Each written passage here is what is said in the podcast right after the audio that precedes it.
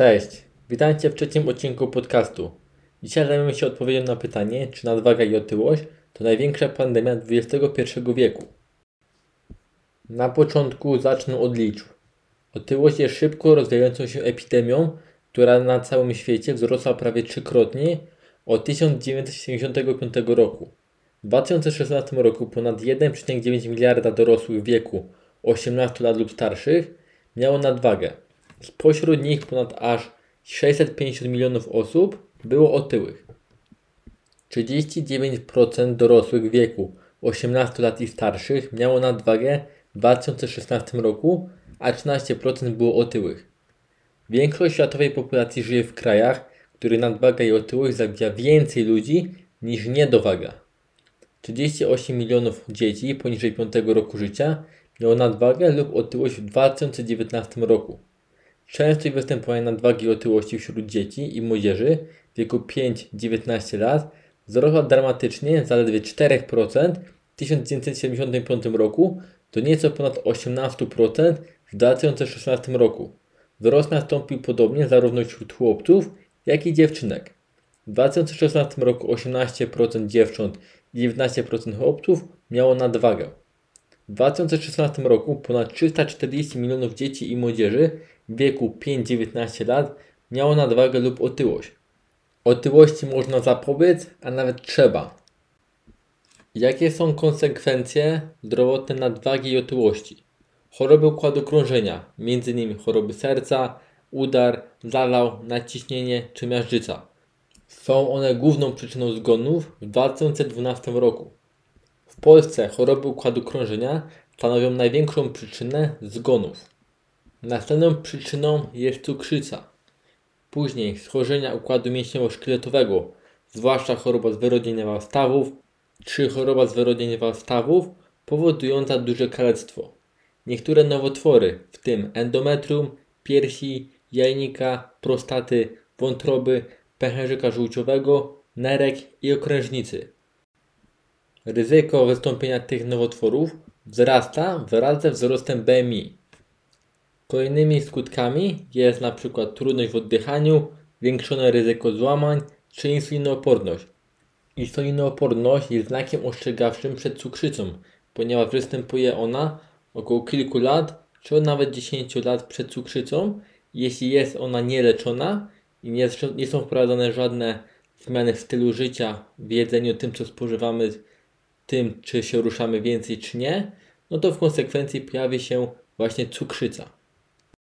Innymi skutkami nadmiernej masy ciała jest m.in. spadek pewności siebie, samopoczucia, poziomu energii, spadek radości z kontaktów miłosnych, libido, pogorszenie kontaktów międzyludzkich czy pogorszenie ogólnego pojętego zdrowia. I oczywiście tych skutków jest wiele, wiele więcej i będą one troszkę inne dla każdej osoby. No i jakie są przyczyny nadwagi i otyłości? Mimo ogromnego rozwoju i możliwości zdobywania wiedzy na każdy temat, praktycznie każdego miejsca na świecie, sytuacja się pogarsza. Nadmierna waga u dzieci i młodzieży to nie do końca ich zasługa. To wina rodziców. Oni je karmią, komponują posiłki, robią zakupy i edukują.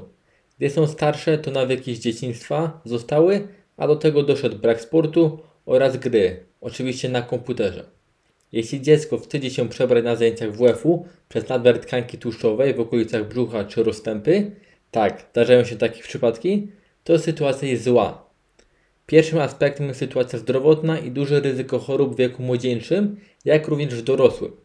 Drugim jest kwestia zdrowia psychicznego, wyzwiska ze strony rówieśników, odseparowanie czy hejt w internecie. Skutki takich działań mogą być poważne, m.in. obniżone poczucie bezpieczeństwa, lęk, brak poczucia humoru, nieumiejętność odraczania gratyfikacji, niska pewność siebie, trudności z kontaktami z rówieśnikami, a tym bardziej z przedstawicielami płci przeciwnej, gdy takie kontakty stają się częstsze u nastolatków. Czytając powyższe skutki, od razu nasuwa się prawdopodobieństwo wystąpienia depresji, której skutki mogą być już tragiczne. U osób dorosłych głównymi powodami są złe nawyki z dzieciństwa, nieodpowiednie wybory żywieniowe, mało ruchu podczas dnia, brak uprawiania sportu, praca siedząca plus wiele godzin siedząco spędzonych w domu, częste zamawianie jedzenia, spożywanie produktów przetworzonych. Te powody kumulują się i tworzą nadmierną masę ciała. Niestety większość chorób, które są spowodowane zbyt dużą wagą i poziomem tkanki tłuszczowej oraz nieodpowiednim odżywianiem jest leczona farmakologicznie, zamiast skupić się na przyczynach.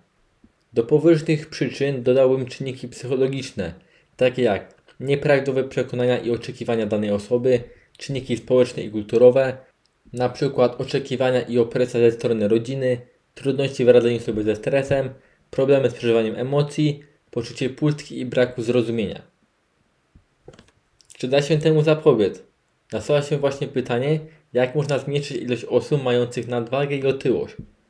W niektórych krajach, np. w Meksyku, wprowadzono zakazy sprzedaży słodkich napojów i słodyczy i przetworzonych przekąsek osobom niepełnoletnich. Może lepszym rozwiązaniem byłaby edukacja w szkole czy wprowadzenie norm co do składu posiłków. Napisz poniżej swoje propozycje. Dodatkowo co roku można słyszeć, że wiele osób ma cele noworoczne, którymi jest schudnięcie. Niestety, nie wiem czy wiesz, ale tylko od 2 do 20% osób udaje się utrzymać masę ciała.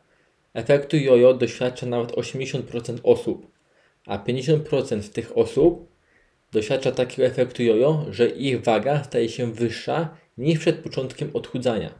Przykładowo, ktoś miał 80 kg, chciał schudnąć do 50, udało mu się schudnąć i schudnął, jednak później waga wróciła na przykład do 90. I taki stan znowu będzie powodować zmniejszenie poczucia własnej wartości i sprawności, takie poczucie bezradności i poczucie zmarnowania czasu. Podziel się w komentarzu czy wiadomości prywatnej, czy doświadczyłeś, doświadczyłaś kiedykolwiek efektu jojo. Więcej treści o charakterze dietetycznym i zdrowotnym znajdziesz w moich mediach społecznościowych. To by było dzisiaj na tyle. Do usłyszenia.